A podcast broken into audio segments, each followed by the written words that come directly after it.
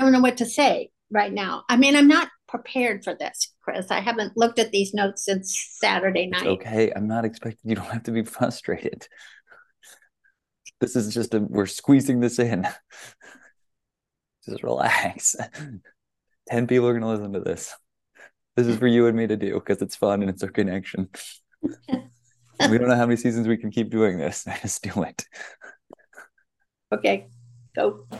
I'm waiting on you. Three, two, one.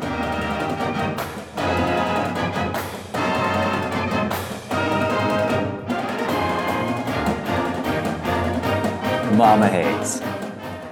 Welcome, Canes fans, and welcome, son. That was close.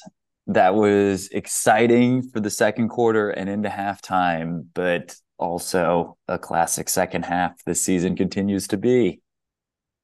Well, the game was far better than I thought it was going to be. And um, I think that's kind of what you were just saying. Um, I was pleasantly surprised. I stayed with it all the way through. And it helps too that they had a chance at the end of the game to go tie it. That also makes it a little bit easier to stay with the game. Much better yeah. than last year's home loss, forty-five to three. Quite a bit better, but I ha- I I want to start out by saying kudos to Jordan. It's Jordan Travis, right? Yes. He he really is good. yeah, it also helps. It, we saw him play in 2019 in that game when Willie Taggart was coaching and Willie Taggart's last game. So he's also been around for a long time. he should be. What you're saying is he should be good by now? I would hope so. He has enough experience around However, that we have quarterbacks that have been around for a while that are not improving to that degree. Agreed. Again, I also think Jordan Travis wasn't a true freshman that year when we saw him, I believe. So he's been there for for a few years now. So oh. he he he's definitely knowing how to run the offense and in today's college football where there's older and older players and especially with the covid year um, messing with everyone's eligibility um, more players like this. But yes, he's he's a gamer. Um, Coleman is an unbelievable wide receiver. I mean, Florida State. I didn't think Mike Norvell was going to be able to do this, and he's been impressive. And when I get frustrated with Mario and not getting there in time, Norvell's the example of that. Of take your time and recruit properly and get the right guys in, and then you'll look like that. Yeah. Well, they look good. I thought they looked good. They did. I'm choking it out, but I have to give them credit. I thought they looked good. They did. And it was a fun game. It's the games that you want against Florida State and Miami. You want these classic games that are close, where it's a rivalry game. It's a ton of fun you don't know which way it's going to go. You see the passion, the the pageantry, the players playing at the top of their game and the top of their level. And I think we'll get more into the defense, but the defense continues to impress. And again, is going to be the foundation of this team, not just this rest of the season, but then for the years to come. Amen, brother. Now, the offense, on the other hand, which was impressive in the first half, and I will have to say, I love the play calling. I love that and we found out that Emory Williams is going to make his start in the Clemson game. They didn't throw the ball deep at all. And then on the first play from their one yard line, they dropped it back and said, just throw it deep. And it looked good. It, it opened up possibilities to run the ball better. Um, you know, obviously we had a Chaney had a great second quarter running the ball, but then I don't know what's going on, but we seem to not make any halftime adjustments. And if we do, we seem to decide to be very conservative. And this has really happened post Texas A&M game because the opposite happened where we didn't look great in the Texas A&M game, made adjustments in the second half, and Van Dyke had an amazing second half that led that team to victory. Since then, you think about the North Carolina game, we were up going into the second half, didn't make any great adjustments, and we then struggled to you know have any offense or do anything else after that you know same thing with nc state. We only scored six points. So it was one of those that was just kind of tough for us to it's tough to watch that. It's tough to watch to see no creativity no no excite just go really conservative as the game goes on. I you know i can't agree with you more. I, I just there it's just something that stops at halftime it just I, I don't get it. I I was so excited beginning that game because I saw some creative plays. I saw I saw some aggressive plays. I saw um I saw things being tried that that been tried for a while or before or whatever. And Emory, I mean, they were like, okay, you what have we got to lose? Go for it. And then stop. Exactly. And then they finally they had to throw the ball down the field because they were down two touchdowns and a good thing happened. I mean, I think the safety for Florida State played the ball terribly. And, you know, thank God uh, George just made an unbelievable catch then to then sprint away with everybody. But that's what also happens. And you have to remember, too, that like in college football and NFL football, the windows and perfect open receivers are not going to be there. And you got to trust your guys to make a play. And that's what happened. And I think Mario doesn't let guys play sometimes and he's just like let's just keep it without turning the ball over let's make sure we do all that and we can squeak out a win but unfortunately it doesn't bode well late in games um, you know i i would have loved to see what emory could have done obviously on that last drive um, unfortunately, he gave it his all. I mean, fortunately, he gave it his all, but unfortunately, uh, it cost him uh, his his left arm and, and into surgery and is out for the season. And you could even see when Van Dyke got in, just the difference too of like I know we can get into the Van Dyke talk in a second, but just Van Dyke then hit Colbie Young on his back shoulder like four times in a row going down the field and just how much that opens up. And it would have been good to see Emory get more of that confidence and, and, and skill set since he does seem to actually have a pretty big arm. Let's talk about the defense. That would be great because that is definitely the strong point of our team. Uh, I, I just I, I was so impressed and I, I couldn't I couldn't single out one one player more than another for a while. I mean, it just seemed like they were all contributing. They were all there. They were all doing something. Of course, James Williams was sort of overdoing it, but we, you know, we can, I guess, talk about that a little bit. Yes, that, he, he's playing a little reckless for for my liking right now. He um the fact that he didn't get a targeting made up for the not getting the safety. Well, I'm I got a little thing for the ACC refs at the end of this segment, so don't you worry. Okay, I can't wait. I can't wait to hear it. um. Anyway, no, I, I just I, I'm. I think that I think that our defense handled Travis as best as they possibly could. They they they really they were where they need to be when they need to be there. I mean, it was one of Florida State's lowest offensive outputs when it comes to yardage, to play yardage per plays. I know we'll get into more stats later. They did slow them down. And, you know, one of the cool things to see from the entire unit was we didn't hear Rueben Bain Jr.'s name as much as we've had. Florida State knew that we need that they needed to take care of Rueben Bain Jr. and other guys stepped up. Mauigoa, who I know you weren't a big fan of at the beginning of the year, has come on. I mean, talk about the opposite of Tyler Van Dyke and development. Mauigoa is the example of a guy that was just like get him out of the game early in the season, and now I'm just like the guy's running the defense the guy knows where to be. The guy knows how to make plays. He he's going to be not only an integral part again this year, but next year. Well, his tackles to penalty ratio has improved vastly since the beginning of the year. So that speaks well for him. And his sack production as well helps. But it, it, it says something too about just like the presence that Rueben Bain Jr. is because Rueben Bain is taking up more eyes and focus from the offense, it opens up other areas for the defense, other players to get involved and make plays. Well, we have so many now. We have so many defensive players who are productive that it it really throws the offense, the opposing offense, into um, a, a, mode of where are we going to go? Which one are we going to stop? Which one are we going to hinder? so that's good. That's good. It is good. And unfortunately, I'm going to bring it back here. And I know it's been said on other shows, but I was talking with you Saturday after the game how Tyler Van Dyke, I think, we're we're seeing the end of Tyler Van Dyke with the University of Miami. And it's hard to say that about a college kid, especially a kid that's got a good amount of talent. But this is a kid that's been two years in a row projected, if he has even a decent season, to be um, an NFL first round draft pick, if not a top 10 pick. And right now he's looking to be lucky if he even gets signed as a free agent.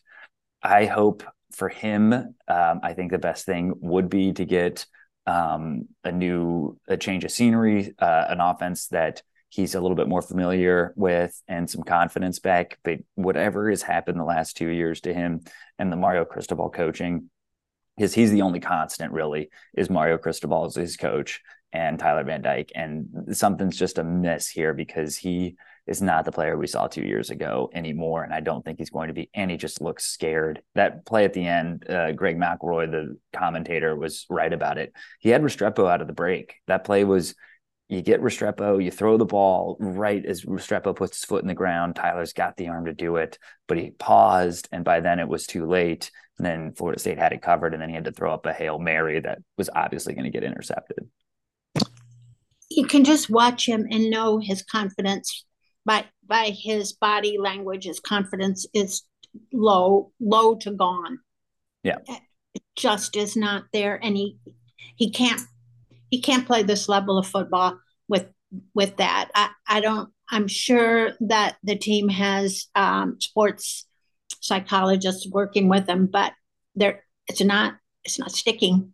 It is not at all. Um, I think we're going to see Jacurri Brown again a little bit more. It'll be interesting to see if they put him out there. You know, I think Tyler is not your quarterback of the future now. You're already in a bowl game. It would be nice to obviously upset Louisville coming up here, who's a top 10 team now.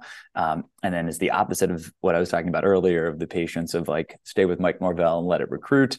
Brian Brohm gets in there and has turned Louisville around like that. I'm a little frustrated about that part of it, that a team like Louisville with not the same recruiting resources and talent in the area um, has already turned their program around in one year and is battling for an ACC title while we continue to wait it out and wait it out and wait it out. So hopefully that comes together. But speaking of ACC, Mob, I have a new hero in the college football world, and that is Sean McDonough, the ESPN announcer. He went to town and obliterated the ACC officials, the ACC official replay system and then just the ACC of like operating official committee because he was furious about the safety call and how that was not called a safety. And then when James Williams didn't get thrown out of the game, he was furious about it and made it very clear that they had requested to talk to the ACC officials during the during the ha- during the half and after that play and got nothing from them. Well, got something and said that the ACC officials would come by and talk to them, only to be ghosted and not hear from them and continue to have issues. So I was so happy to hear Sean McDonough. I wish it honestly was a bigger game, sense of like more nationally covered, so that the ACC could have been really embarrassed. And Maisie's as fired up about it as I am. I, I was, thought that was great. I thought she thinks it's great too, which is awesome. Like she, she she's furious also too that these referees cannot get it together. It's amazing. Like I, I know you keep texting me during the games. You say, "What is a safety?" And that Clemson game was close enough. All right. But the fact that you have the evidence of Jordan Travis, this is why we have all this technology, is to show his knee down and the ball in the end zone. So there was no disputable evidence that that was that that was a problem. And then two, with James Williams's targeting call with his crown of his helmet right there, that it was very clear that he targeted. And again, they still did not call it. I don't know what this group is. It is it is, it is embarrassing, especially at a high level, and it's going to cause the ACC like a, a, a national like if this if Florida State had lost because of this ACC officiating, that's awful for the ACC because they don't get a team in the national championship playoff. Right, right. Uh, yes, it just they're hurting themselves. I I don't know what what are, are they the SEC rejects? I, I, they might be the like we, the Pac 12 is going to be looking for some. Maybe we can take the best of the Pac 12 referees that are going to be left over and the best yeah. of our ACC ones. We do have that now because we do have the Pac 12 teams in our conference. So maybe we can try and get some of the best ones. That should have been our deal. Hey, Cal Stanford, you guys can come here, but you need to bring your really good referees with us because this ain't it right now.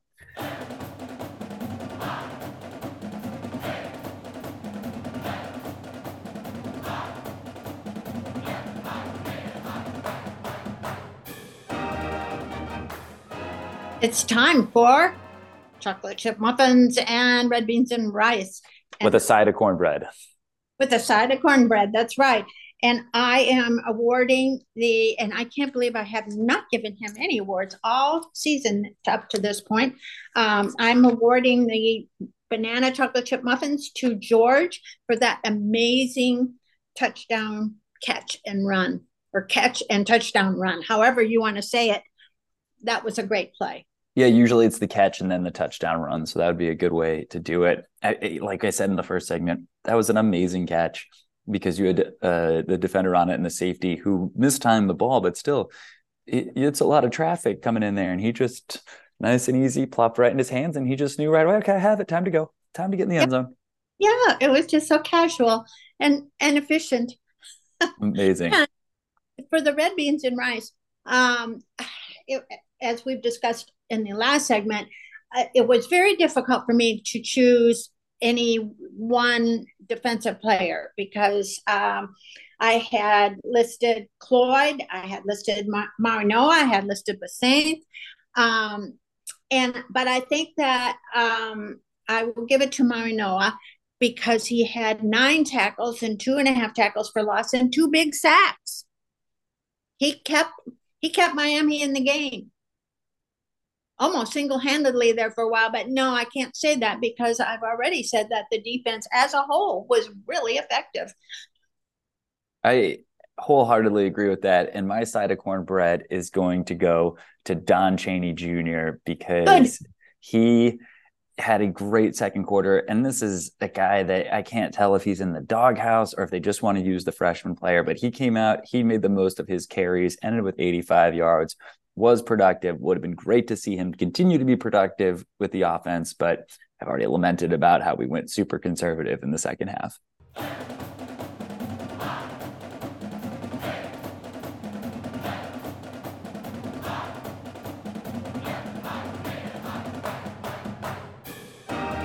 Mom, I'm just going to rat a tat tat with topics that I have not sent to you at all. One of them will be, and I'm hoping you have not seen the new college football playoff rankings. No, I haven't at all. Perfect. bad time. Sorry. No. That's don't do not apologize because it's going to make this segment better. But I think the first thing I'm going to start with is the news out of College Station that Jimbo oh, Fisher is oh, being yes. Asked to walk away from the Texas A&M football program for a just a few couple of dollars, right around the seventy-six million dollar range. You seem excited. Get in there, mom. If you hadn't brought it up, I would have brought it up. I was just like you know he he led Florida State into mediocrity, and now he's led Texas A&M into mediocrity. So, gosh, I wonder where he's going to go next. Not Miami, I hope we can't afford we can't afford any more of that. Well the crazy thing is is that he could actually go on a discount somewhere because it's in his contract that if he goes somewhere next year a&m still has to pay him. So usually if someone fires and then you get hired it, it's worked out where it's still like a buyout. A&m is still on the hook for the money. So he could actually go get another job for 70 million and get paid both at the same time. I've yeah. got to figure out a way to do this in my life. Uh, yeah how did he negotiate that kind of contract? I mean, it is, it's amazing. He doesn't lose. There's nothing he loses by leaving. Nothing. I don't think. I mean, I, I could be wrong. There might be some little thing like dental coverage or something. Maybe, but I think they're gonna. If anything, you know, he can get on Obamacare. He can get on Medicaid. There's ways that I think it's going to be okay. Medicaid. He, no, I don't think he's going to get on Medicaid. No, not on Medicaid. Sorry. Um, I don't, I think he will. again, uh, be fine. And if anything, I imagine you could pay out of pocket right now for all of his medical expenses that anything happens. So, next question is who takes that job? well, are you volunteering, Cristobal? I am not. I, I, cannot go through another coaching change right now. Like we're tied to him no matter what. I, and again, I'm I'm I'm want to be clear. I am pro Mario Cristobal. I know it doesn't seem like it sometimes. I'm actually very pro Mario Cristobal. I loved him when I played there. I just want to see a little bit not conservative stuff. And also just, I just don't want to end up with the same thing that we've had over and over where it's a new coach, we started over, and we're only going to start over again. I hope he succeeds. God, I do nothing more than I want him to succeed. Anyway, do you have any ideas about who might become the next head coach at Texas A&M? No, I don't. Okay. Well, oh, I would. Oh. Um, Urban Meyer. That's definitely a good choice. I think Deion's gonna be. Uh, they're gonna throw a lot of oh. money at Deion. Yeah, yeah. Deion would be a good, um, good fit there. I think. I. It's almost too bad Deion took that Colorado job this year because I think he could have gotten that Texas A&M job this coming year and would have been better. Now he's got to leave Colorado, but I, I think I guarantee Texas A&M is already trying to talk to him to get more money.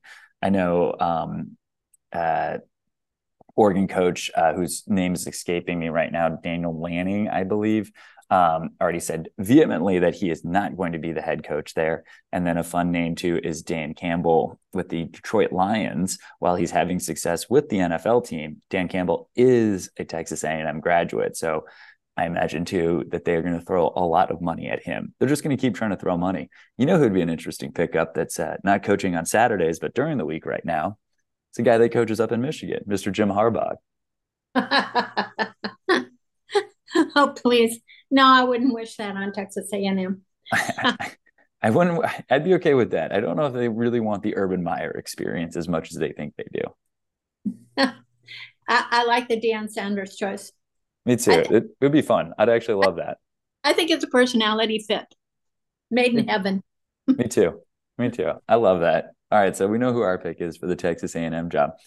Other than that, there wasn't too many other games. I mean, our game was definitely one of the exciting ones. Um, UW continues to impress and all of that. Louisville hangs on against a Virginia team that we beat um, to be in the top 10. So the ACC representing. And you had a nice fun watch where you thought you were going to go to bed not too long after our game ended about an hour or two after only to stay up to watch duke unc battle it out until midnight oh oh yes it was past midnight. Oh my gosh i thought that game was never going to end. And it was like i got all ready for bed and i thought okay i'm going to come back out before i turn off the tv and, and it was touchdown and then it was touchdown and then it was overtime and then it was double overtime. That's incredible. So they they put up UNC hangs on again. They're a weird team that's we thought was going to be in the top 10 of the college football playoff for sure, especially after they beat us, but can't seem to right the ship, which is too bad.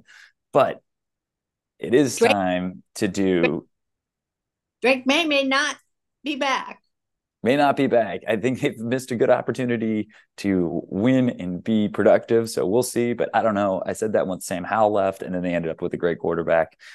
We can't get a great quarterback, but UNC gets one all the time. So I don't doesn't make sense to me.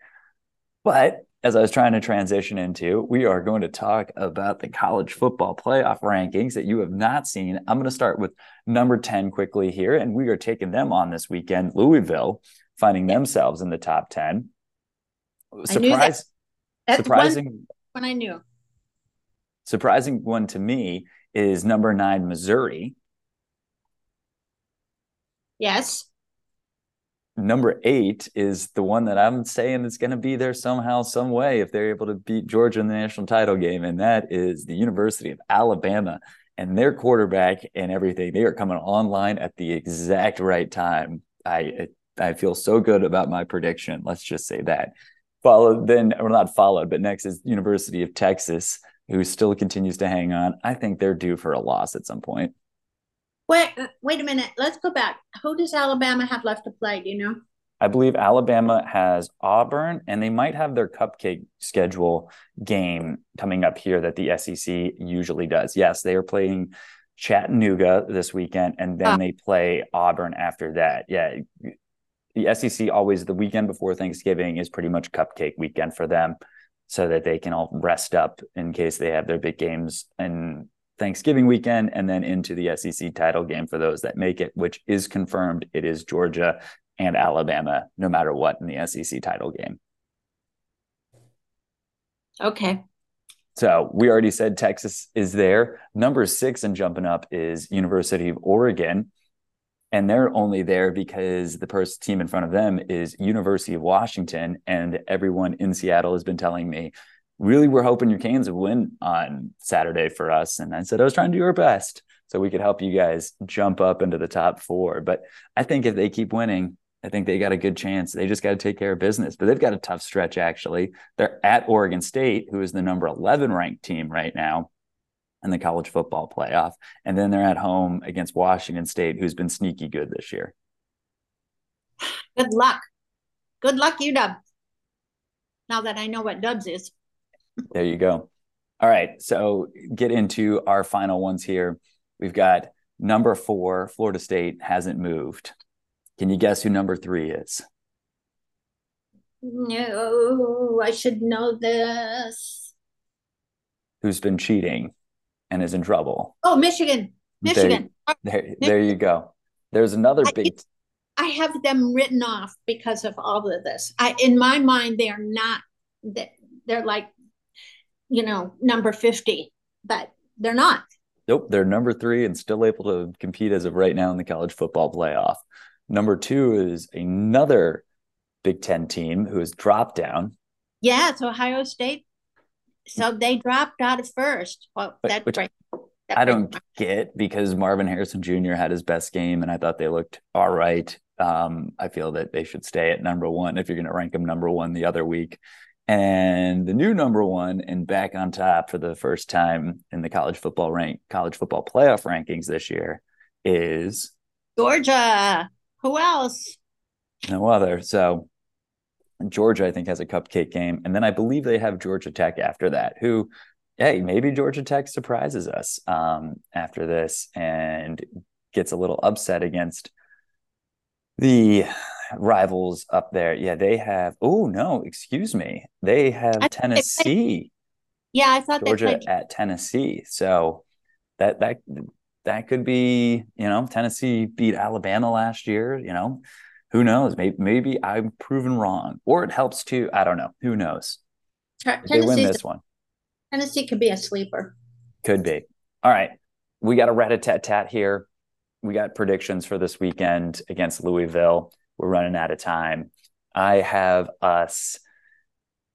I have us winning this game. I'm going to say it. I wasn't thinking this the last couple of days, but I say we surprise. It's at home. It's still a Louisville team trying to figure itself out. It's going to be messy. It's going to be sloppy.